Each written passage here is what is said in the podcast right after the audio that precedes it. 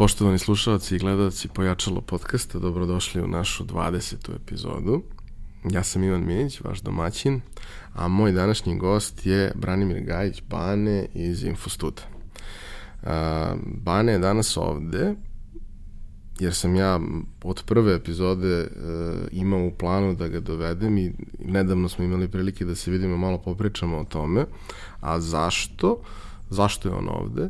Zato što je on sa nekoliko sjajnih ljudi uh, napravio jednu jako lepu priču koja traje već 19 godina. U 19. godini smo, da. 19 godina.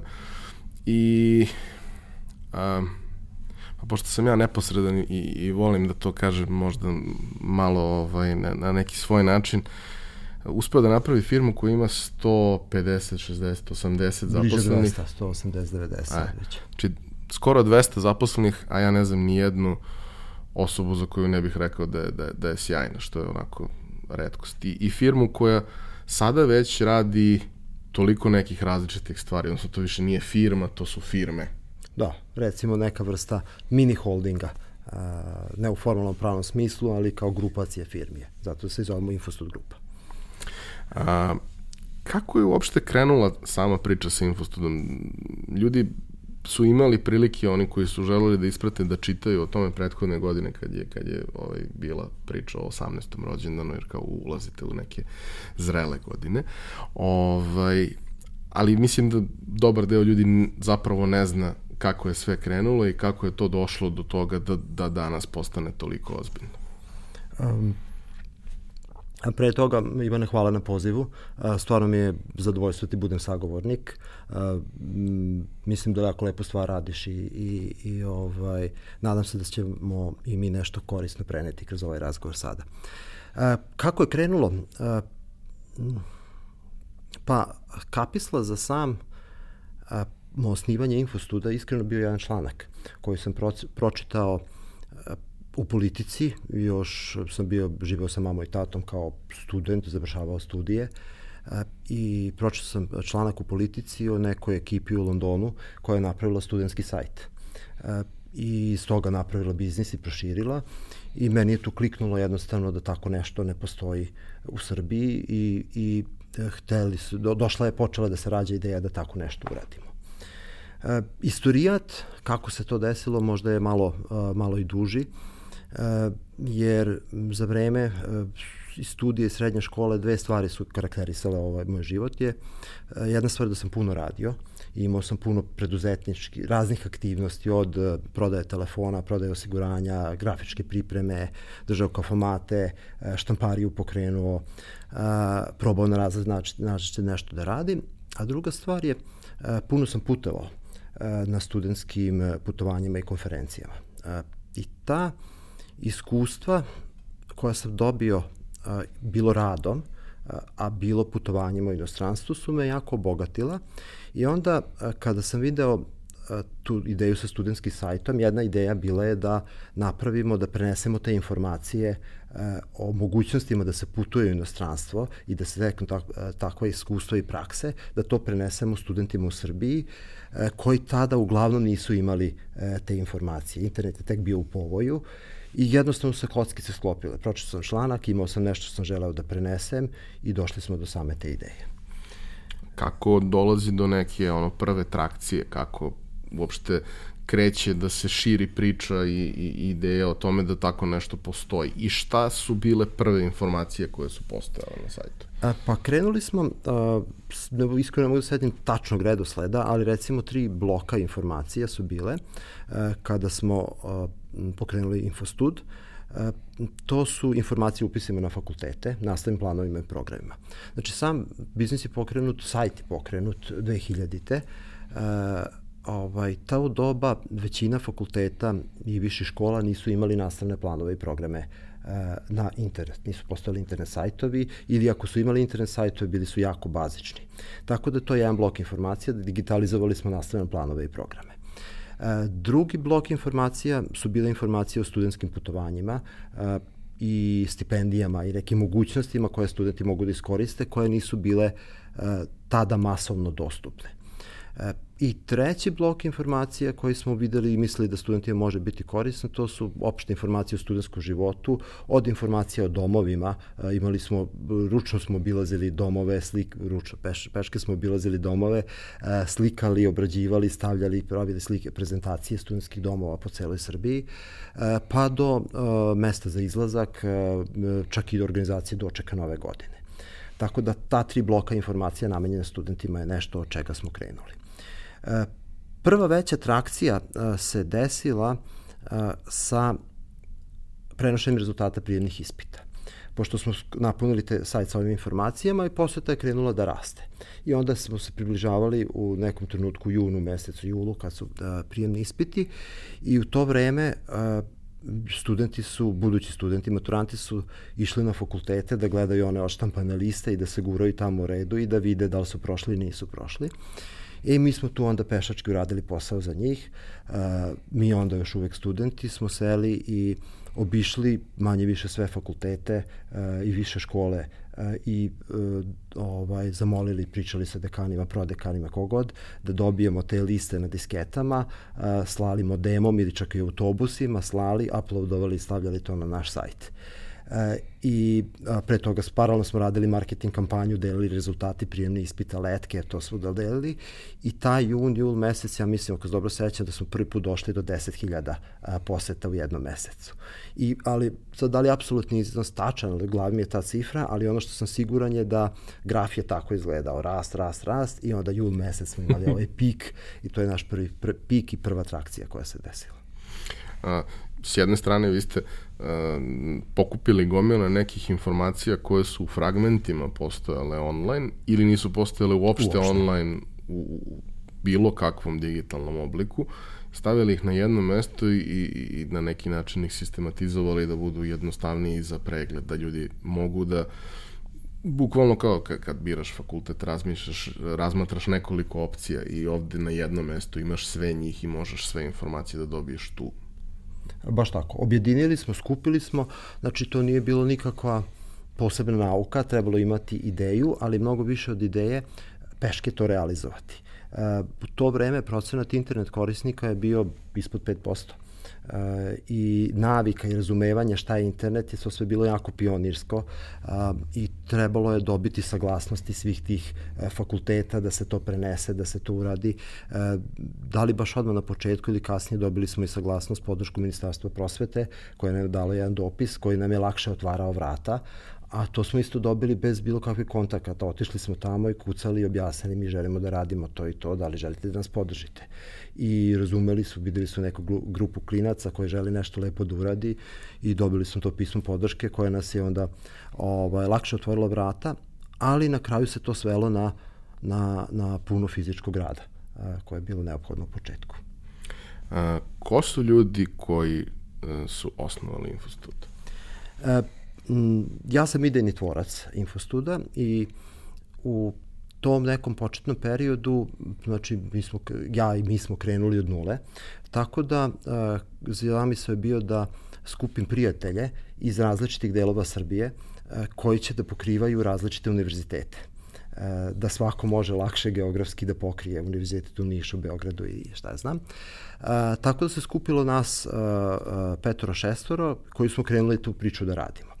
Međutim, to je jednostavno bio naporan posao i, i, i nije to rezultati se nisu mogli videti tako brzo i tu su različiti ljudi krenuli različitim životnim putevima e, i na kraju je to ostalo na nas četvora. E, to su e, Branislava Gajić Stanović, moja sestra, Stefan Salom i e, Vojkan Pavlović iz Niša koji je dugo vremena ostao sa nama. On je prešao ovaj taj početni period stvaranja i bio tu s nama nekoliko godina. Posle nekoliko godina on je rešio da ode drugom karijernom pravcu, tako da i on izašao Infostuda i ostali smo nas troje, e, Brana, Stefan i ja, kao ekipa koja stoji iza Infostuda. I do danas ste vas troje u, i dalje u priči. Da, da, i do danas smo nas troje i dalje u priči. Ovaj, I i kao osnivači, i vlasnici, i kao ljudi koji su angažovani koji rade u Infostudu. U kom trenutku to od uh, nekakvog uh, projekta za pa ne vam kažem slobodno vreme, to nije slobodno vreme, to jeste nešto čemu si posvećen, ali nekog projekta koji je nešto što radiš usput, a nešto drugo radiš da bi imao da živiš, polako prelazi u to da to postane održivo makar na tom nekom mikronivou vas nekoliko koji tu radite i šta se dešava kako zapravo dolazi kako to postaje posao, kako to postaje firma? Pa, tu ima nekoliko a, prekretnica. Znači, kad smo krenuli te 2000-te, recimo prvi neki početak, pola godine, godinu, a, smo krenuli svi da radimo, primarno se bavimo ovaj, time. Međutim, financija tu nije bilo i ja tada dobijam poruku od mog oca, sine, vreme je da nađeš ozbiljan posao. A, I shvatam to ozbiljno i, i zaposlio sam se a, u jednoj banci i počeo i narednih pet godina sam ja imao e, primarni angažman e, u tom bankarskom poslu, a posle rada u banci sam radio na Infostudu. Za to vreme moja sestra je operativno vodila i nosila veliki teret postavljanja operat, o, funkcionisanja Infostuda, a, a Stefan je završavao studije, isto bio uključen u radu Infostuda. Tako da Branislava jedina bila full time, a nas dvoje smo bili part time. A, to je ovako recimo neka polazna a, premisa kako smo bili angažovani. A, trebalo nam je pet godina da postanemo profitabilni. Od počnivanja do, do prelaska pozitivne nule. Ne da vratimo uloženo, nego da postanemo profitabilni na tom nekom a, mesečnom nivou. A, u tom smislu taj bankarski posao i moj tata je jako bio u pravu, jer da nisam počeo da prihodujem sa neke druge strane, mi ne bismo preživeli pet godina. Realno tu bankarsku platu, pošto sam tamo razvio paralelno lepu karijeru, sam koristio za finansiranje početaka infostuda. Tako da pet godina je to trajalo i ajde kažemo te pet, 2005. godine smo postali profitabilni održiviji. Uh, E, i to je možda jedan odgovor. Ja kažem, post, post, shvatili smo da je to održivo, ali moram da kažem da od samog početka, od kad smo krenuli, krenuli smo da pokušamo da ga gradimo kao biznis. Znači, krenulo je kao jedan garažni projekat, bez ikakve dileme, ali od samog starta, vajde, možda ne od prve godine, ali od druge godine, smo krenuli da postavljamo uh, temelje posla, biznisa, sistema, a ne hobija. Ovaj, tako da i mislim da smo bili da je to bila jedna od mudrih i pametnijih stvari što smo radili, što smo starta u tom pravcu se usmerili, jer to vremenom vodilo se ka sve većoj profesionalizaciji. A drugi moment je, kažem, taj prelazak u profitabilnost koji se desio 2005. godine. Um, u trenutku prelaska u profitabilnost, Infostud više nije samo ono što je bio na samom početku. Šta se umeđu vremenu tu izgradilo od, od stvari, čime ste se u tom trenutku sve bavili i na koji način? A, 2005. A, smo, a, pored obrazovanja, imali još poslove. Znači, to je, koliko god da ta profitabilnost je prekretnica, tada smo još uvek realno bili mali mi smo krenuli od obrazovanja, od onih segmenta koje sam ispričao i naša a, ciljna grupa su bili primarno studenti, odnosno prvo maturanti za upis, pa posle studenti. A, I nekom logikom razmišljanja šta dalje, studenti posle završetka studija traže posao. A, I onda smo ušli u tu oblast oglasa za posao. I to je neki sledeći korak koji se desio i on jeste funkcionisao ove 2005.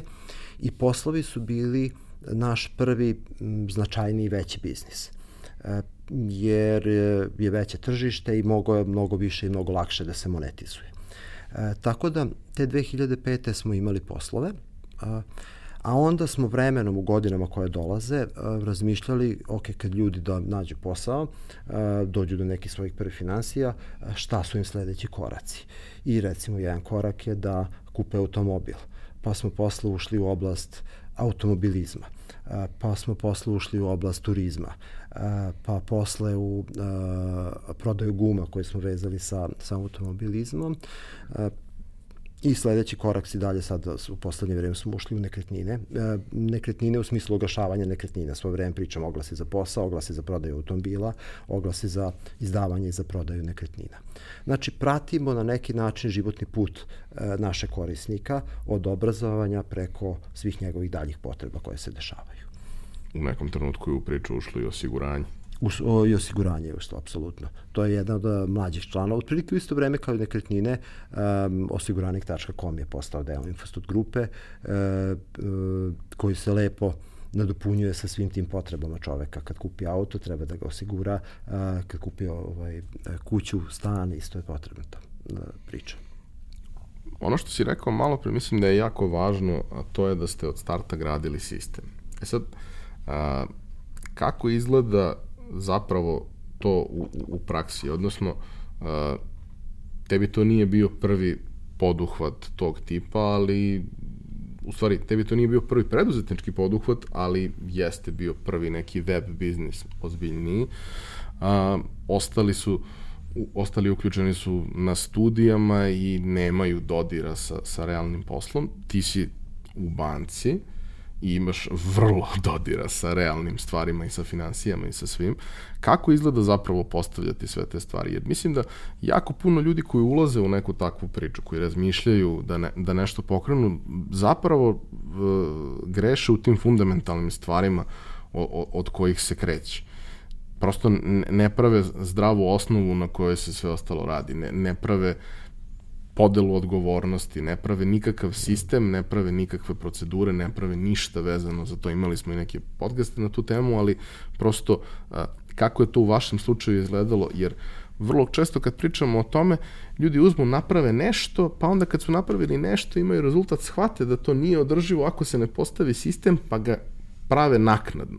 A vi ste krenuli od starta i čini mi se, uz, naravno, da to nikad nije jednostavno, linearno i sve savršeno i bajkovito, Absolutno. ali čini se da ste ostali verni tome i danas i da taj sistem unapređujete i iterirate konstantno i da zapravo i dalje vi imate vrlo jednu sada vrlo razgranatu, ali zdravu i dobro isplaniranu strukturu u kojoj se to na neki način uh, iz baze razvijalo. Ajde da, da, da pokušam da to tako kažem. Um, apsolutno. Uh, slažem se da mislim da je to greška mnogih, uh, jer pretpostave da za njih nije bitno da prave planove, da imaju sastanke, da organizuju tim, da forsiraju komunikaciju, a realno to je bitno svima, uh, bez obzira koje su delatnosti. Uh, uh, od toga treba da se krene i ako se ne uradi od početka dođe posle na naplatu.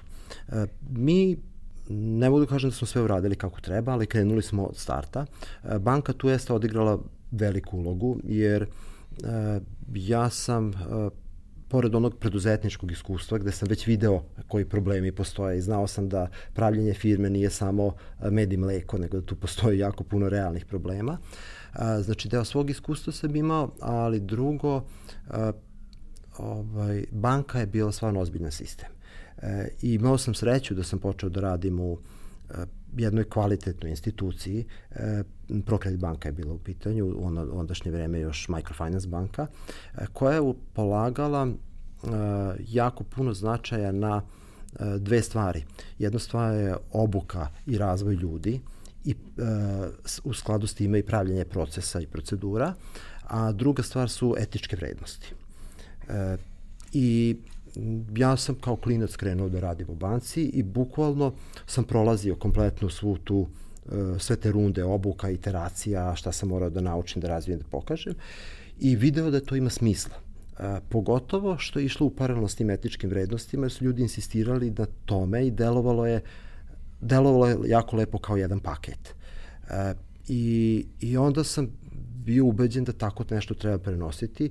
Branislav Stefan su to apsolutno razumeli i podržali i onda smo uh, znanje iz jedne veće institucije korak po korak prenosili, prilagođavali nama, uh, nešto uspešno, nešto neuspešno, uh, uh, ali, smo, ali smo odatle tu krenuli. Uh, prvi neki koraci, šta ja mogu da kažem, da ovako posećam, davno je to bilo, ali uh, recimo mi smo starta imali planove i ciljeve.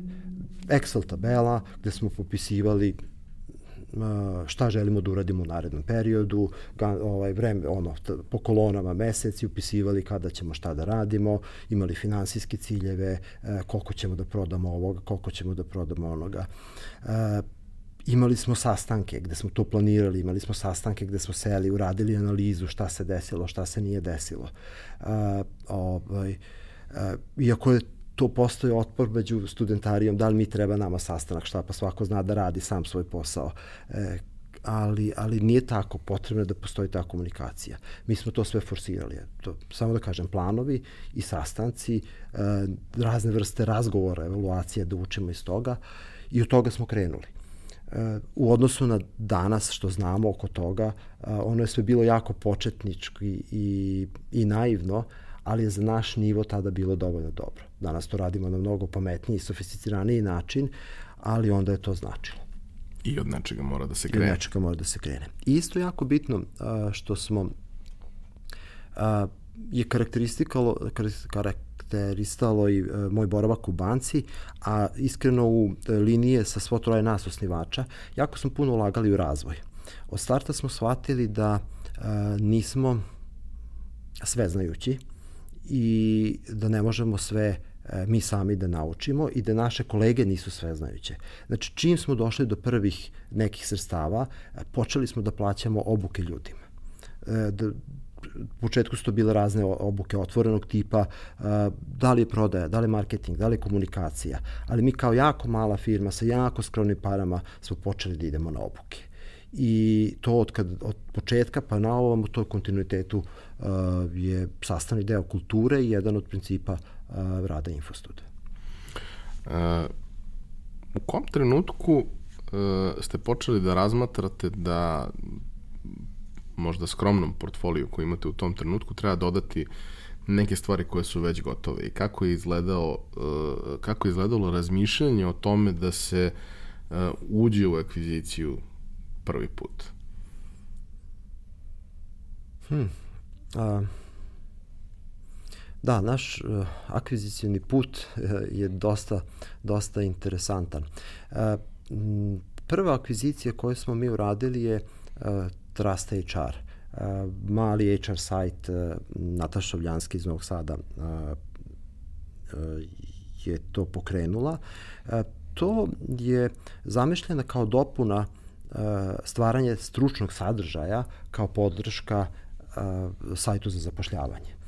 E, I tu isto mislim da ne mogu da setim tačne ovaj, momenta analogije, ali, ali e, pošto, da, da, princip po kome se vodimo, znači mi nismo mogli da budemo stručni u svemu. Samim tim nismo mogli da budemo najveći eksperti za kreiranje HR sadržaja u datom trenutku. E, I logično je bilo da tu saradnju ostvarimo s nekim ko se profilisao. I Nataša je lepo razvila taj sajt u datom trenutku, E, pričali smo sa njome, dogovorili se, preuzeli sajt, inkorporirali sadržaj i Nataša je ostala od dugo godina, možda još uvek sada, u saradnji sa nama u smislu kreiranja sadržaja i pomoći na toj stručnoj strani prilikom pri sajtu zapošljavanje. Tako da u osnovi toga je naše razumevanje da ne možemo sve sami, nego da treba da sarađujemo da li kroz akvizicije, da li kroz učenje, da li kroz konsultantski ovaj posao. A, pored toga, a sećam se da je to bila prva akvizicija, jer su to, to je prvi put da se uopšte a, tako nešto pojavilo kod nas kao informacija da neka domaća kompanija nešto, nešto radi po tom pitanju. Vi ste imali i prilično velike i ozbiljne akvizicije u, u tom periodu. Imali ste putovanja info, imali ste polovne automobile koji su tada bili neuporedivo skromni, skromnija priča nego što su danas, ali jesu bili profilisani kao najozbiljniji nezavisni portal tog tipa na, na nekom lokalu. Kako izgleda kad još uvek si mali, još uvek si uh, pa ne kažem slabašan, ali nemaš ozbiljnu zaleđinu i nemaš iz čega da crpiš uh, nekakve resurse i sigurnost, a razmišljaš o tome da akviziraš nešto što su već ozbiljne, ozbiljni ovaj, projekti i, i, i ozbiljne nekretnine na internetu. polovni automobili su bili prvi veći iskorak. Znači, Trust HR je bio prva akvizicija i to su upravo, to jeste bila, koliko se sećam, prva akvizicija na domaće sceni od domaće firme. A, I tu smo već puno naučili kako da se postavimo. Deo smo naučili kroz toga kako smo mi prodali naš udeo a, o svoje vremena. A, ali taj odlazak a, da pričamo sa, sa Petrom a, iz Leskovca, momkom koji je pokrenuo polovni automobil, je nosio dosta neizvestnosti. Mi nismo znali e, kako će tu šta da izgleda, ali smo imali motiv e, i želju gde želimo da pomerimo a, našu grupu. E, teli smo da se proširimo u druge delatnosti, da se diverzifikujemo i videli smo da to može da bude komplementarno uh, sa, sa ovaj, našom uh, našim postojećim biznisima, kao što sam rekao, kad nađe posao ide da kupuje automobil. Tako da smo imali tu neku uh, u startu uh, stratešku viziju zašto želimo da uđemo u celu tu priču. Uh, drugi uh, jasan motiv uh, je bio ta diversifikacija koju sam malo čas spomenuo, jer uh, pre kupovine polovnih automobila uh, zadesila nas je 2008. ta ekonomska kriza. I pošto gro prihoda nama je dolazi od oglasa za posao, oglase za posao su jako elastični u odnosu na stanje u ekonomiji. Kad je došlo do te krize i svetske i, i lokalne, mi smo u mesec dana izgubili 60% prihoda. U oktobru 2008. 60% prihoda je nestalo. I tu smo imali jasnu odluku da želimo da idemo dalje ne želimo da zavisimo primarno samo od jedne stvari. I to je bio taj drugi motiv da se širimo. Tako da, bez obzira što smo i tada bili još uvek uh, početnici u investicijama, imali smo uh, jasno razumevanje šta hoćemo i zašto hoćemo, što je bilo dobro. Druga stvar koju smo osetili u to vreme, još bih rekao, je da jako bitno je E, s kim radiš posao. E, I nama u svim tim partnerstvima, Infostud je partnerska firma sam po sebi i u plus te razne akvizicije su ušli na partnerski način, e, jako nam je bitno ko su ljudi sa kime radimo. Jer ako posao sam po sebi jeste dobar ili profitabilan, ako se radi sa nekim sa kojima ne klikćete vrednosno i na kraju krajeva i operativno, to je osuđeno na propast statistički jako veliki broj partnerskih preduzeća ne uspe zbog odnosa partnera. Tako da je to neka druga lestvica koju smo o, osetili e, i, i sa time išli da biramo e, da pregovaramo i da radimo samo s ljudima s kojima možemo da se, da se razumemo. A to je nešto što automatski olakšava život u dalje o svim razgovorima. E, e, to je ono što smo dobro išli. Ostalo e, je bilo bez nekog velikog znanja. Mi smo otišli pokušali da saznamo ko, ko je momak koji ovaj, je vlasnik toga, kontaktirali ga, pitali da je zainteresovan za razgovore, seli u kola, otišli u Leskovac, otišli na ručak, pričali, upoznali se i obavili tako jedna, dva, tri, četiri runde razgovora i pokušali da dođemo do zajedničkog jezika i, i na kraju se dogovorili. Ključno tu je bilo probati. Da nismo pitali, ne bismo, ne bismo došli u poziciju da, da to realizujemo. Ono što kažeš da je vrlo važno da na neki način uh, postaviš sebi granice sa kim si spreman da radiš, odnosno sa kakvim ljudima želiš da radiš i spreman si da radiš, to ti možda ograničava izbor. Apsolutno. Ali ti omogućava da kad napraviš izbor sve ostalo teče dosta lakše možda. Uh, Nemerljiva je korist. Ako napravite pogrešne izbore u tom smislu, bez obzira što to deluje interesantno i profitabilno cena koju posle plaćate kroz razne vrste razdora a, je nemerljiva. A, pomenuo si da ste i vi imali dokapitalizaciju u jednom trenutku. I to je takođe bilo prvo, svakako prvo javno, prvi javan slučaj tako nečega kod nas kada je u pitanju. Bilo je, dakle, razne firme su kupovale u tom nekom periodu 2007. 2008. bilo je dosta investitora između ostalog i ja sam tada prodao većinski ude u, u, u svojoj firmi i dobio nekakvu investiciju i sve. Ali vi ste prvi koji su javno izašli sa tom informacijom i prvi koji su uh, pa mogu možda tako da kažem, možda, možda je malo grubo, ali prvi koji su uzeli nekakav novac i onda se učinilo da, da znaju zapravo šta, zašto im taj novac treba i zašto će da ga iskoriste, zbog čega su ušli u tako nešto.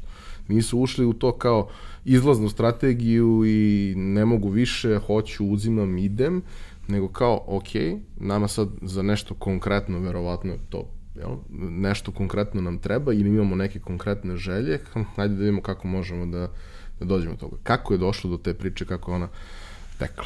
ono što možeš da podeliš. Naravno. Bo, mislim da mogu jako puno. E, priča je prilično zanimljiva. Znači, 2007. godine, e, stvari 2006. godine ja dajem, uh, krajem 2006. godine dajem otkaz u banci uh, i prelazim kompletno da, da ovaj, uh, se bavim infostudom. U to vreme i Stefan je priveo svoje studije kraju i on postaje full time. Branislava od ranije bila uh, uh, skroz uključena u infostud i vodila, bila direktor i vodila infostud. Uh, tako da od početka 2007. svo troje smo uh, samo uh, i primarno se bavimo infostudom. Uh, to je još uvek, tad smo mi već drugu godinu profitabilni, ali još uvek mala firma. E, I, i još uvek firma m, stvarno u povoju. E, čisto da ilustrujem, e, tek u aprilu 2007. godine smo dobili ADSL. Znači, do aprila 2007. godine smo radili putem modema. U Beogradu se pojavio nešto ranije, ali u Subotici tek tada je to došlo. Znači sve ovo, znači, proboj, uspeh, prvi su napravljeni klasičnim modemom. E, e, i cela kancelarija, ta smo imali, ne znam, deset ljudi, svi smo se kačili, imali to, neko, neko napravio mežu, svi smo radili putem modema i eventualno onaj bežični internet ovaj, koji je postojao. A, tako da to jeste bilo u pomoju. I recimo te 2006. 7 kad smo se mi konsolidovali i osetili da tu ima uh, ovaj, prostora da krenemo dalje da rastemo, uh, mi smo se angažovali, krenuli da radimo i nekako sve je lepo išlo, ali niko nije tu čuo za nas, niko nije uh, nismo imali interakciju s tim nekim investitorskim e, svetom i nije bilo komunikacije. I onda naglo, posle dolaska možda ADSL-a i osjećaja da internet počinje da raste o, u Srbiji, e, počinju da nas kontaktiraju redom prvi, drugi, treći, četvrti, peti, šesti, sedmi investitor koji želi da kupi e, infostud ili deo infostudu. E, za početak mi odlazimo te razgovore i, ovde kažem, čisto iznati želje. Znači, prvi put do juče mi ne postojimo uh, prema o tom investitorskom delu, iako nam poseta raste, prihodi rastu, i sad želimo da vidimo šta je taj neko hoće. I odrazimo na jedan razgovor, drugi razgovor i vidimo da tu ima svakakvih ponuda, i ozbiljnih i neozbiljnih, um, ali da ponude počinju i ti razgovori da uzimaju vreme. Jer mi idemo na jedan, drugi, treći, vidimo da ne želimo i na neki način mi definišemo šta su naši uslovi i uopšte da odemo na sledeći razgovor uh, i zašto bismo mi pristali da ulazimo u neku vrstu partnerstva. Uh, I primarno ono što smo rekli je da to treba da bude partner iz struke, da nismo zainteresovani za uh, investicijni fond klasičan, nego, nego neko ko, ko je u našoj branši, uh, ko kroz partnerstvo može da nam unese znanje, a ne samo novac, E, I drugo, neko ko je zainteresovan za dugoročni razvoj e, za rast, širenje i pozicioniranje na tržištu, a ne za kratkoročnu maksimizaciju e, profita i njeg, neki njegov dalji izlazak. I to je, to je nešto što smo mi postavili kao naše, naše uslove. I unutar par meseci ti ljudi su pokucali na vrata. Uh, ovaj, uh, u pitanju je bio uh, Daily Mail General Trust, medijska korporacija iz Engleske, možda ovde pozna i poznatija pod samim Daily Mail novinama koji funkcionišu tamo. I pojavio se čovek, to je bio Ištvan Samer uh, iz Mađarske, koji je vodio njihovu ispostavu region centralne i ovaj, istočne Evrope i koji je došao i ostavio jako dobar uh, utisak na nas kao čovek, uh, kao stručnjak, E, kao neko ko je posvećen ovom regionu i širenju biznisa u ovaj, ovaj region. I to nas je uvuklo dalje u te razgovore. I onda smo opet u jednu, drugu, treću iteraciju videli da, su nam se, da nam se preklapaju interesi napravili smo dogovor i prodali smo 25% uh, firme. E, to bi možda naglasim, rekao se dokapitalizacija. E, nije dokapitalizacija bila u pitanju, jer tada smo već bili e, profitabilni i održivi. Ne na nekom velikom nivou, ali smo bili samo dovoljni i nije nam ne, bio neophodan keš za funkcionisanje firme. E, nego smo jednostavno prodali udeo e, i nama obezbedili neke financije za e, da koje su tada nama kao klincima rešili neke stvari e, ovoj životu. E, ali samog toga može da se, da se vidi da nama novac nije bio primarna stvar, jer firma je funkcionisala bez, e, bez tih sredstava. E, nama je ključno to bilo znanje. E, prekretnica je bila što od tog trenutka više nismo bili sami. Do tog trenutka i partnerstva s Daily Mailom mi smo na nivou Srbije sve sami morali da smislimo i da rešimo. Imali smo uh, opšte sagovornike uh, iz interneta kao što si ti, uh, ali u domenu našeg biznisa smo mogli da imamo samo konkurenciju. E, a od tog trenutka postali smo deo grupe koja ima iste ili slične sajtove u Slovačkoj, Mađarskoj, Hrvatskoj, Bosni, Rumuniji, e, posle su došla Poljska, Baltičke države i tako dalje. I odjedan puta smo dobili sagovornike koji rade isto to, a nismo konkurencija i počela je razmena znanja, e, dodatno učenje i na neki način stvarno smo tu dobili vetar u leđa. A, upravo u to neko vreme počinje ovde da se, da se pojavljuje uh, na raznim mestima ozbiljna konkurencija. Mislim, ozbiljna konkurencija u smislu uh, upravo to što kažeš, dolazilo je mnogo investitora, pa nisu samo dolazili investitori, dolazile su i uh, uspešne priče iz regiona da naprave svoje lokalne podružnice i pokušaju nešto da urade. Bilo je takvih slučajeva i, i u vašoj industriji. Uh, vi ste opstali, svi oni su se uglavnom ili pivotirali nekoliko puta pa se ugasili ili se samo ugasili. Uh, ali to jeste bio jedan jako interesantan period. Pominješ da, si, da ste imali razgovore da vam se kontaktiralo nekoliko investitora, 7-8 i ja sam pričao u istom periodu sa 8 investitora. Na kraju sam se ja poveo nekim vrlo sličnim vrednostima kojima ste se vi poveli, a to je da kao ovim ljudima je stalo do toga što ja radim, ovi ljudi žele da ulože u tu priču, a ne žele samo da kupe nešto što je napravljeno, da ga prepakuju u svoje i na neki način iskoriste, nego žele stvarno da probaju da naprave nešto. Ali sam primetio tada, e, to se sve dešava 2007. kažemo, ajde neki početak 2008. i onda dolazi kriza. I onog trenutka kada dolazi kriza, to staje, većina njih se povlači, a ja sam tad već imao i, i, i kontakt sa, e, i uspostavljen ugovor sa, sa e, investicionim fondom i e, njihov stav je bio mi ćemo naravno ispoštovati sve što smo se dogovorili po ugovoru, ali to širenje naše na ovaj market nećemo to ipak raditi. Previše rizično, ne poznajemo, nismo sigurni, sve problem mog biznisa je bio to što je on se bazirao na advertisingu kao jedinom ozbiljnom revenue streamu. Ok, postoje merchandising, postalo je svašta, ali to sve nije pravilo nikakav opipljiv, smislen novac. Vi ste faktički ne jedini, ali jedni od vrlo redkih koji su napravili nešto što se nije baziralo na uh, oglašavanju kao kao izvoru prihoda, koji Odnos... je potpuno, odnosno, da. Oglašava, display oglašavanje. Display oglašavanje, advertisingu klasičnom. Već ste krenuli da radite nešto što, što je prodaje i sada i to radite kroz sve ostale kanale koje, koje radite. A, pronaći ljude za tako nešto je jako, jako, jako teško i danas. A vi ste uspeli da izgradite firmu koja se bavi time u različitim oblastima. Kako je vaše, uh, kako je uopšte izgledalo kao traženje ljudi koji su deo Infostud priče?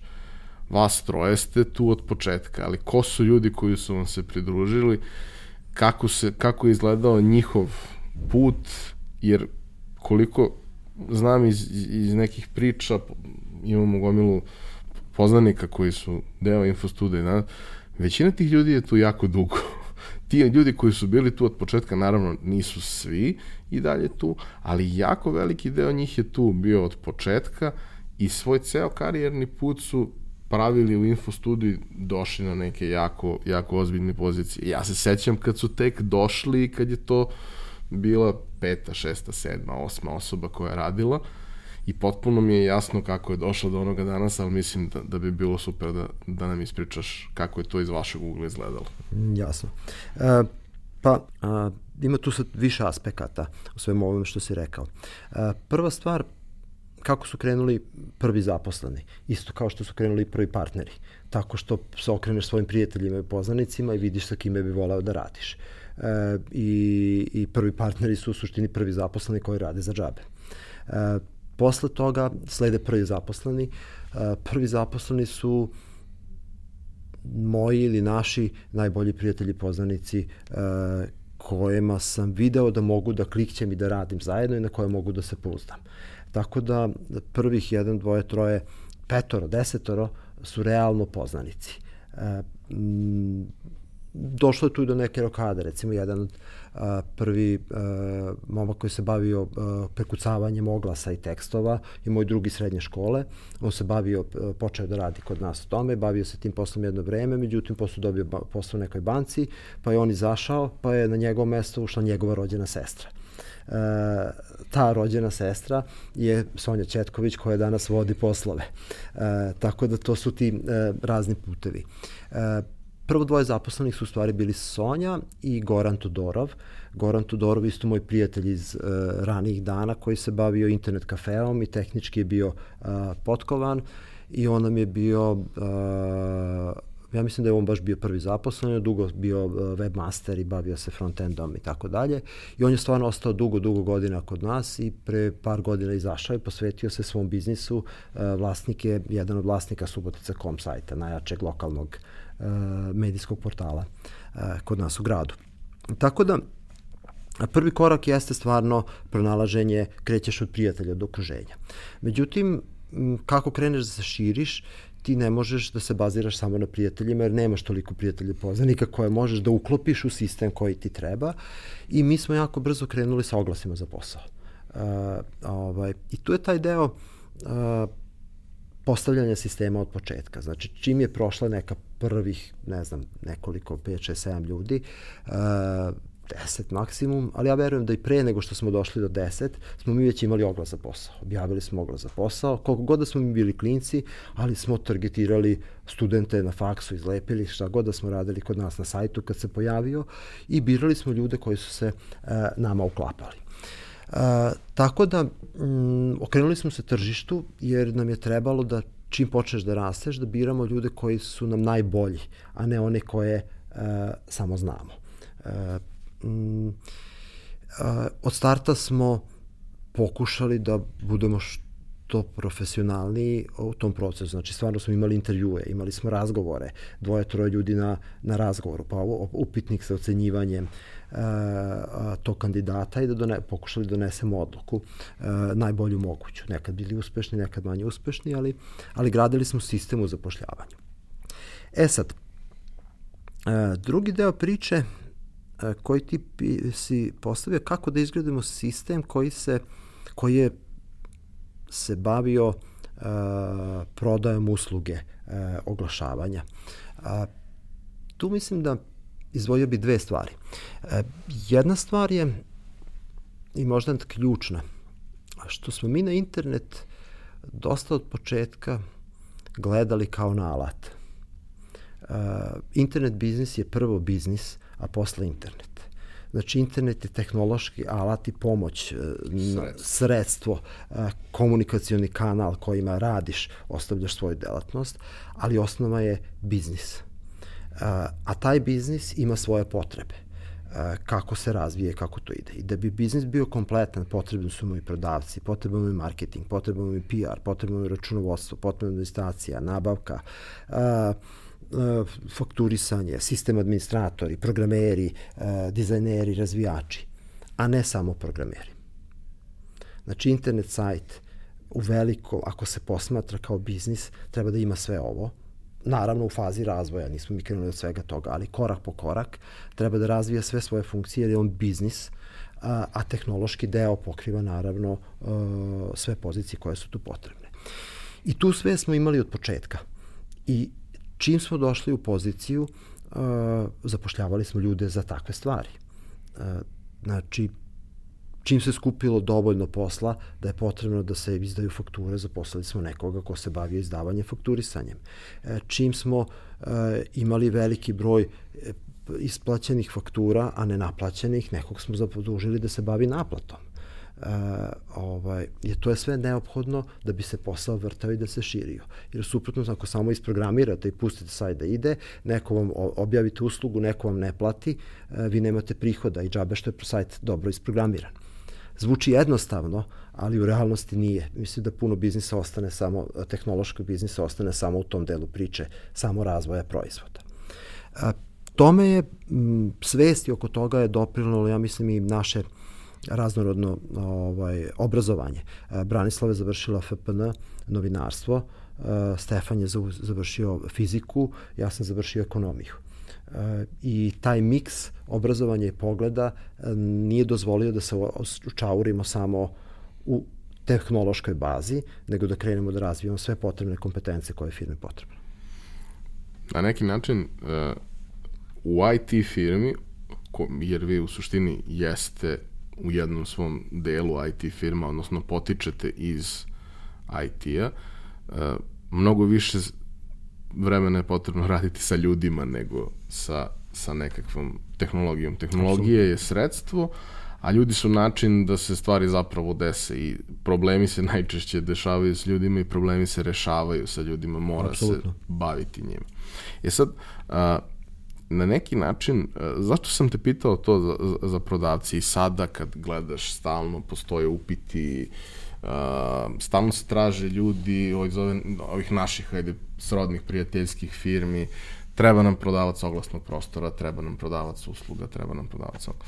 Ti ljudi ne postoje. Mislim, ne, ne postoje gotovi ljudi za tako nešto. Sad i tu i tamo možeš možda od nekoga uzeti nekog, ali u trenutku kada ste vi to krenuli da gradite, ništa od tih ljudi zapravo nije postojalo. Apsolutno. Vi ste sve to morali na neki način da, sve te ljudi ste morali da napravite, sve te ljudi ste morali da prepoznate da oni to mogu, a onda da ih usavršite. Pominjao si da je jedan jako važan deo infostud priče i to da se puno radi na usavršavanju svih ljudi, ali kako, kako zapravo uh, o, a, tražiš osobu koja ne postoji za posao koji još uvek nisi baš 100% siguran šta je i to onda napraviš i to onda uspe i to onda skaliraš.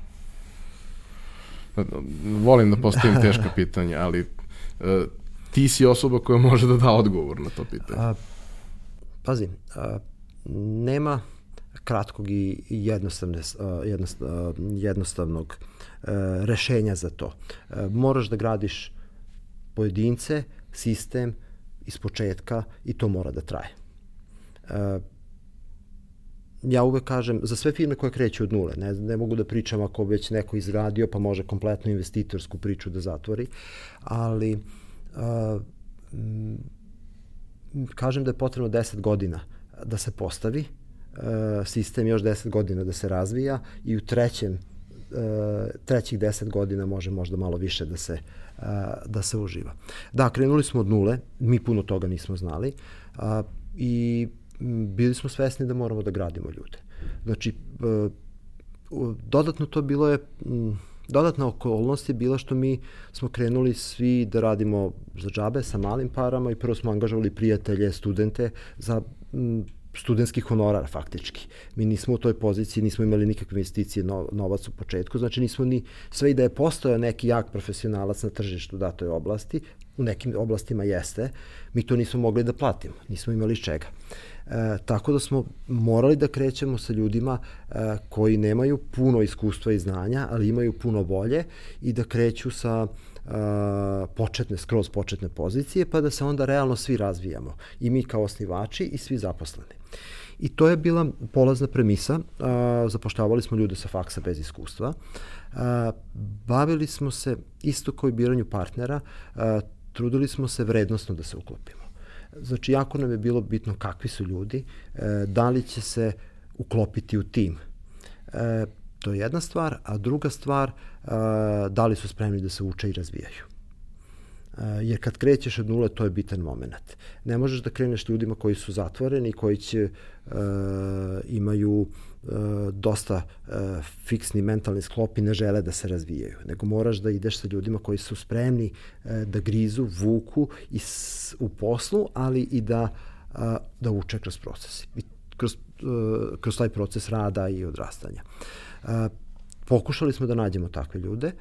E, I posle toga smo se trudili da ulažemo u obuke što više možemo, to je ono što sam rekao, da ulažemo u obuke, a, krenuli smo sa, eks, sa otvorenim eksternim obukama, pa smo pravili a, interne obuke a, sa jednog bazičnijeg nivoa, pa i dan danas to radimo, samo smo došli do toga da angažujemo profesionalni i ozbiljne konsultante, sad radimo se evo da opet baš na te domenu prodaje, gde mislim da smo veoma dobri, angažujemo jednu ozbiljnu konsultantsku kuću koje plaćamo značajni novac da dođe i da nam digne sistem prodaje na još jedan višlji nivo.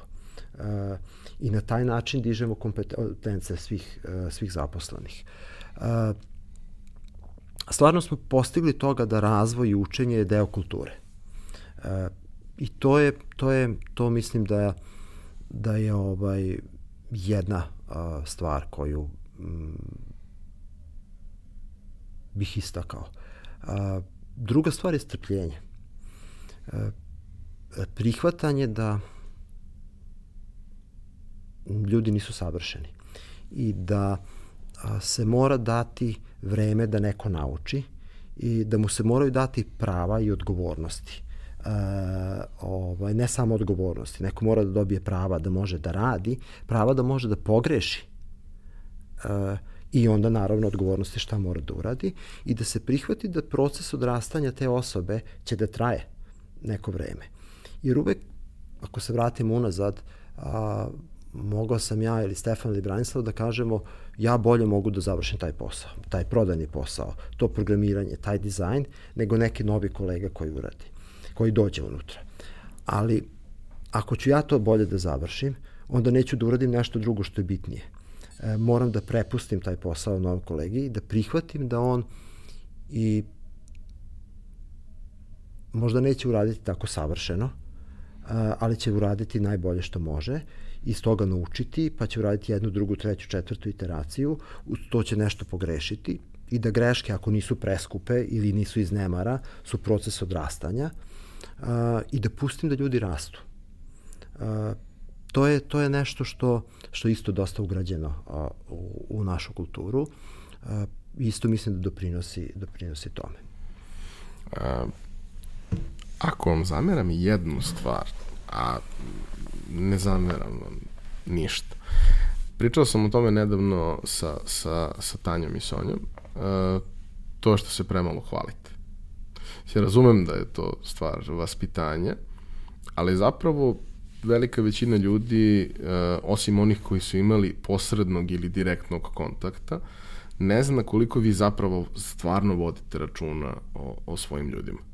I iz, ono kao, postoji razlog zašto ljudi vrlo redko odlaze i odlaze samo u situacijama kada je to stvarno neki poziv koji se ne odbija ne odlaze zato što, eto, na drugom mestu su dobili 100 eura više ili, ili šta god. Ljudima je stalo, a nije lako napraviti to u firmi koja ima 180 ljudi. E, pa iza svega postoje određeni razlozi. M, deo toga je možda i, i, i e, do, do ličnih afiniteta, ali deo toga je jednostavno put kojim smo mi prošli nije bio lak. On možda može da sad izgleda ovaj, eto, napravili smo nešto veliko i sve išlo kao po loju, ali nije. A, možemo da se vratimo i na temu, promenio se partner, izašao je Daily Mail, ušla je Alma Media, to nos, nosilo određene trzavice. A, imali smo a, jako, mi smo imali desetak akvizicija i investicija, od tih desetak pola je uspelo, pola nije uspelo, znači nije sve bilo ovaj, savršeno.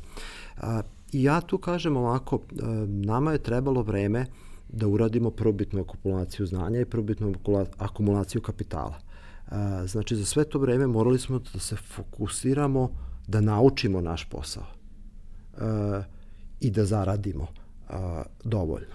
E kad to sad polako leže na svoje mesto, daleko od toga da smo mi ogromna firma, ali Infostud raste i počinje biti, nije više mala, sad je možda srednja firma koja ima postavljene dobar deo procesa, a sada dolazi vreme da možda možemo više da vraćamo i počinjemo više da vraćamo društvu i da više pričamo o nekim našim uspesima zato što ih imamo dokazane. U tom nekom periodu početka a, mi puno toga nismo znali. A, imali smo možda dobro osjećaj, dobro znanje, e, možda neko to iskustvo iz banke koje smo prenosili, ali puno toga nismo znali. Sad dolazi vreme da možda možemo otvorene, ono, hrabrije da pričamo o tome jer su rezultati tu.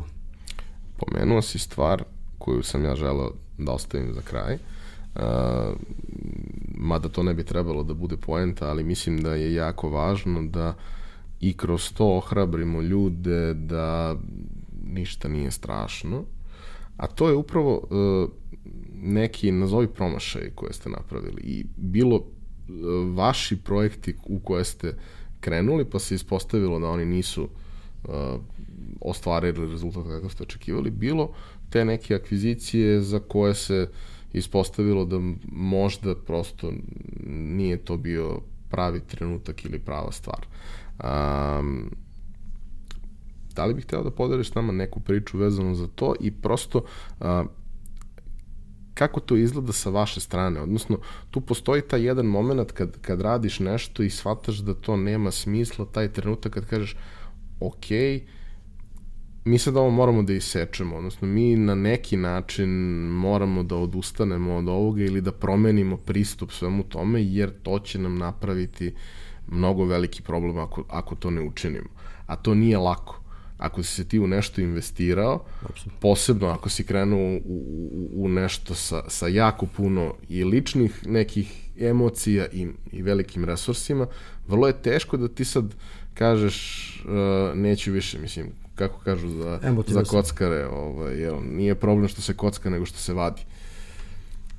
Kako, kako je to izgledalo kod vas u, u nekom od primjera ko, koji se dešavao? Uh, Da, to je bio isto proces odrastanja i to na više frontova. I mislim da o tome možemo čak i dosta da pričamo jer treba pričati o greškama, uh, a mi smo ih pravili puno. Uh, m, šta, ako pričamo o temu uh, investicija, akvizicija, ono što je dobra strana je što i karakteriše nas je ta hrabrost i spremnost na rizik. Znači, bili smo spremni od uvek da uđemo u nepoznato, da probamo, da vidimo šta se desi i ako ne uspe, e, to nije, nije smak sveta. A, ovaj, a, I bili smo spremni da se suočimo sa, sa ovaj, teškim stvarima, čak i sa ružnim odlukama. Ali u tom procesu smo stvarno pravili greške. Znači, jedan dobar primer je a, putovanje info, koji smo kupili većinski udeo u tom sajtu, dok je funkcionisao kao oglasni model. I on je bio prilično uspešan, nije bio veliki, ali bio uspešan i održiv oglasni model u tom trenutku. Na neku sugestiju partnera koji su to vodili, mi smo doneli odluku da iz oglasnog modela pređemo u turističku agenciju. I to tako što ćemo da ugasimo oglasni model i pustimo agenciju. Jedno ugasimo, drugo upalimo i bukvalno presek s danas na sutra. U pozadini pripremali, samo prebacili se i naravno da je to doživjelo kolaps. E, to je protivno svemu onome što znamo kako se danas e, razvija proizvode. Postepeno treba da učiš. Mog, ako smo hteli to da testiramo, mogli smo da razvijemo paraleli pa da pustimo, ali ne da ugasimo nešto e, što radi. E, Ovaj, to, je, to je primer uh, uh, gde smo onako klinački postupili, kompletno uh, usporili i na kraju krajeva uh, ovaj, upropastili osnovni model koji je, koji je funkcionisao. Dobro, vi ste ušli u nešto o čemu ne znate dovoljno. To je jedan od od momenta cele priče sa, sa vašim akvizicijama da je to, ok, nekad je to vrlo blizak komplementarni e, modul koji fali celoj priči, ali nekad je to skok u nepoznato jer želiš da radiš u tom nepoznatom nešto, pa ti je to prvi korak u tu celu priču. Ali zapravo ne znaš šta te čeka Absolutno. sa druge strane. E, dobra stvar je što smo uh, bili spremni da skočimo. Uh, E, onda smo negde dobre stvari, negde loše stvari uradili. Primer sa putovanjima je ovaj, greška. E, I onda sledi onaj deo što se postavio kako smo izlazili. E, u početku smo bili moram da priznam emotivniji, baš kao, bukvalno kao što si opisao, krećeš, uložiš vreme, novac, ali mislim da je ključnije to vreme i, i postaneš blizak sa, sa, sa tim proizvodom, sa tom ekipom, sa vizijom i sve ti je nekako žao da presečeš. E, u par godina smo mi to dosta teglili e, projekte koji nisu išli, da li zbog objektivnih okolnosti, da li zbog naše greške. Tu je Branislava odigrala, e, mislim, ključnu ulogu, pošto je ona dosta tu potencijala da moramo da podvučemo crtu. Da ako nešto ne ide, onda ne ide i nema smisla u nedogled e, to forsirati. E, isto m, smo onda iterativno, počeli smo da gasimo proizvode koji koji ne rade, nije nam bilo prijatno, ali smo počeli da gasimo koje, e, proizvode koji ne rade i to se pokazalo da je neophodno. E, skoro svuda smo uspeli sve ljude da zadržimo, da prebacimo na druge proizvode i da, da, e, da ih angažujemo. Negde, nažalost, nismo, ali, ali nama je cilj jeste da, da da, da budemo fair prema zaposlenima koliko god uh, je to moguće, tako da smo taj deo pokrili, ali smo na kraju bili srećni što smo ugasili taj biznis. Odluka je stvarno bila nekada emotivna i teška da se, uh, da se to uradi, ali na kraju se jako isplati. I danas mislim da imamo mnogo tu čvršću politiku. Uh, u, ako uđemo u nešto, ne mora odmah da bude profitabilno, ali mora da pokazuje trendove rasta u određenim ključnim pokazateljima. Da li je to poseta, da li je to interakcija, da li je to prodaja. Moramo da vidimo da smo u stanju da možemo da rastemo. I ako možemo da rastemo, onda smo spremni dalje da investiramo, dok to ne uđe u profitabilnost ili ne izrasta u veliki biznis. Ali ukoliko mi nismo u stanju da unapređujemo, da, da omogućimo da taj biznis raste, onda on ne treba da bude kod nas e, treba da ga ili ugasimo ili prepustimo nekome ko to zna da radi bolje od nas. E, tako da tu na kraju m, naučili smo i, i, i želimo da budemo ovaj, e, odlučniji u buduće oko donošenja takvih odluka.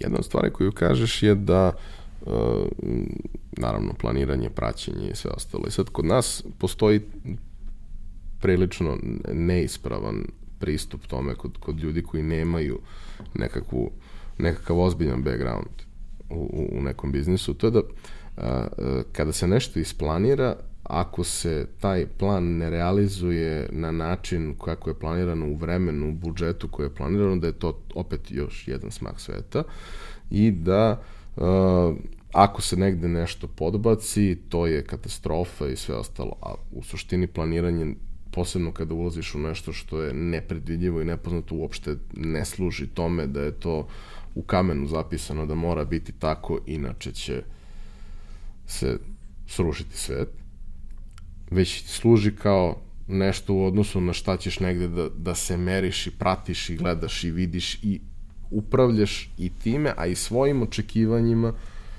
da Absolutno. to na kraju ide u nekom ok smeru. A, 18 punih, 19. godina. Št, kako Infostud grupa danas funkcioniše? Odnosno, u kom trenutku je poslovi i sve ostalo su postali za sebe, a postoji sada grupa koja je kao krovna iznad svega toga. Kako i zašto? Uh, Ako sme možda da kam komentar oko planova prvo, e, mislim da je to isto jako bitno. Planovi su neophodni. E, ja ih zagovar, imamo ih zagovaramo od početka e, i svi treba da krenu da ih prave. Ja sam zagovornik e, imanja velikih vizija i velikih snova. možete, ano, dream big, pokrenite, maštajte, ne, nebo je granica, ali onda iz svega toga pravite konkretne i jasne planove za godinu, pologodine, kvartal, mesec, nedelju, dan. E, I tu onda se mora biti konkretan i to se ovaj mora sprovoditi. E, to, to definitivno. E, ali na to ide onaj moment, plan je tu da vam da fokus, da vas suzi, ali plan treba da se krši ako se okolnosti na terenu pokažu da, da treba da bude drugačije. I mi prilikom skaliranja uh, rasta broja ljudi smo upali u tu zamku. Imali smo prvo bazične planove, kažem, to su bili jedni Exceli sa popisanom listom aktivnosti i odmah po mesecima planirano šta je kada se radi. Što je prejudiciralo da, ne znam, idemo na sajam u martu, da to mora da se desi. A plan je pravljen u decembru. Do marta se promene okolnosti, mi uopšte ne treba da budemo na tom sajmu. E, I to je ostalo urezano ovaj, e, e, zaposlenima kako smo rasli, da ono što je zapisano mora da se primeni. E onda sa rastom smo implementirali jedan sistem e, ciljeva i ključnih rezultata, Objective and Key Results, koji promoviše Google, dosta je, dosta je mi smo ga, ajde da kažem, od Google preuzeli e, i taj sistem je dosta e, e prihvaćen e, u zapad, na zapadnom svetu. U Srbiji ja znam jako mali broj firmi koji, u stvari, sem nas, e, eksplicitno znam da Nordeus to koristi e, i verovatno još neko, ali, ali nisam video da drugi to koriste. E, to je sistem koji se bazira upravo na tome e, da se postavljaju na nivou kvartala pologodne godine ambiciozni ciljevi gde nije poenta e, da bude 100% realizacije. Jer ako je 100% realizacije, znači da ste gađali nisko znači da se postiče kultura u kome zaposlene ne smeju da postave ambiciozan cilj. Jer ako je plata, poviš evaluacija, zavisi od realizacije tog cilja, svako će da stavlja ziceraške ciljeve. E, poenta je napraviti sistem i planiranja gde se postiču ambiciozne stvari i gde je ok ostvariti 60-70%, ali od jednog ambicioznog cilja. E, I to je nešto što stvarno mogu da preporučim svima, e, da izuče malo taj sistem, da pogledaju. E, nama je jako pomogao u procesu odrastanja, a, pogotovo kad smo ušli u, kažem, tu decentralizaciju i pravljenje mini holdinga, gde su biznisi dosta nezavisni jedni od drugih, a, taj sistem nam je stvarno omogućio, omogućio da, da sistem funkcioniše. Hajde mi napravi uh, presek koji su sad sve delovi Infostuda. E, a, znači Infostud a, ima u principu pet biznisa. Ajde da probamo da strukturiramo. Lakše je bilo da imamo sad PowerPoint pa da ti nacrtam. ali znači imamo oglasni, oglasne biznise. tu su polovni automobili, poslovi i četiri zida. To su sve oglašivači, znači marketplace sajtovi gde se dolazi do spajanja ponuda i tražnje e, iz svih datih oblasti. I to je naš e, primarna oblast angažovanja i po tome smo najpoznatiji.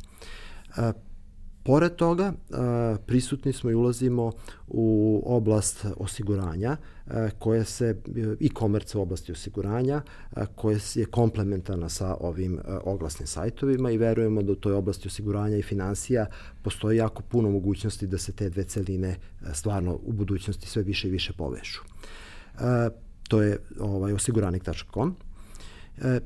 I a, ovaj, e, pored toga imamo, ušli smo jednom nogom u klasičan e-commerce, elektronsku trgovinu, a, to je internet prodaja guma a, i to je naš jedini biznis gde prodajemo fizičku robu.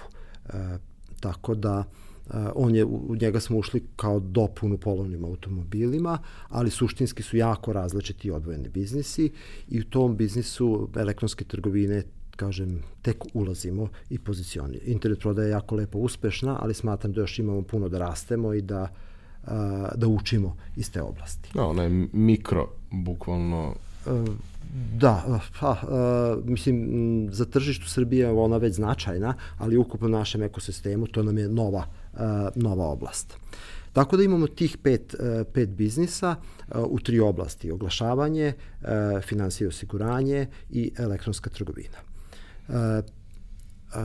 pored toga imamo još jednu celinu, a, to su poslovne operacije, a, to su a, sektori a, internih usluga a, koji se bave pružanjem usluga a, prema svim našim biznisima, a, tu su a, korporatne komunikacije, HR, korporativni razvoj, financije, računovodstvo, sistem administracija, nabavka. Znači, to je nešto što smo grupisali u jednu jedinicu i ona treba da pomogne E, da završava te poslove za sve ove biznise, da biznisi pojedinačno ne bi morali time da se bave i da razvijaju te ekspertize. A, pored toga e, imamo Infostud Hub, e, to je naš projekat e, m, kojim želimo da jačamo IT zajednicu u Subotici primarno e, i projekat vraćanja društvu, kako smo polako ovaj, izrasli. E, Infostud Hub je zajedno sa Startitom otvorio Starti centar u Subotici e, i odnosno unutar Infostud Huba se nalazi Starti centar a, ovaj, a, Subotica i Infostud Hub je orijentisan na pružanje kurseva, organizaciju događaja. Radili smo a, jedan ozbiljan kurs iz mašinskog učenja, sada organizujemo konferenciju na temu mašinskog učenja, da postaknemo i zavrtimo a, ovaj, a, moderne teme kažem, primarno u Subotici. Mi smo angažovani u podršci IT zajednici u Srbiji na celini, ali Infostud Hub je kao takav orijentisan, orijentisan lokalno prvenstveno. E, pored toga imamo par manjinskih e, investicija, firmi da su manjinski vlasnici, e, to je programerska kuća Vibe Network i Krojačeva škola kuća koja, u kojoj smo ušli partnerski kao manjinski zato što su ulaze u projekte elektronskih online kurseva za sada programiranja, ali vremenom i ostalih oblasti i verujemo da će se to uklopiti u našu celinu. E, tako da, tako kažem, to čini jednu ono horizontalno pogled sve, sve što su biznis deo i imamo nešto što se zove Infostud grupa, a, a, znači management telo koje je a, m, objedinjuje sve ove biznise. A, koliko ljudi ima Infostud grupa? A, sve ukupno zajedno smo, da kažem, blizu 200 a, zaposlenih. Dobro. Uh,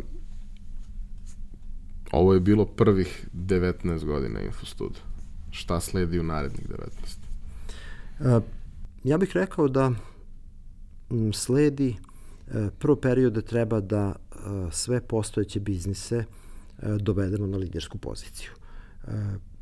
U prethodnom periodu smo se dosta uh, širili i uspešno i neuspešno i mislim da smo zaokružili sliku ili skoro zaokružili sliku onoga u čemu treba da budemo.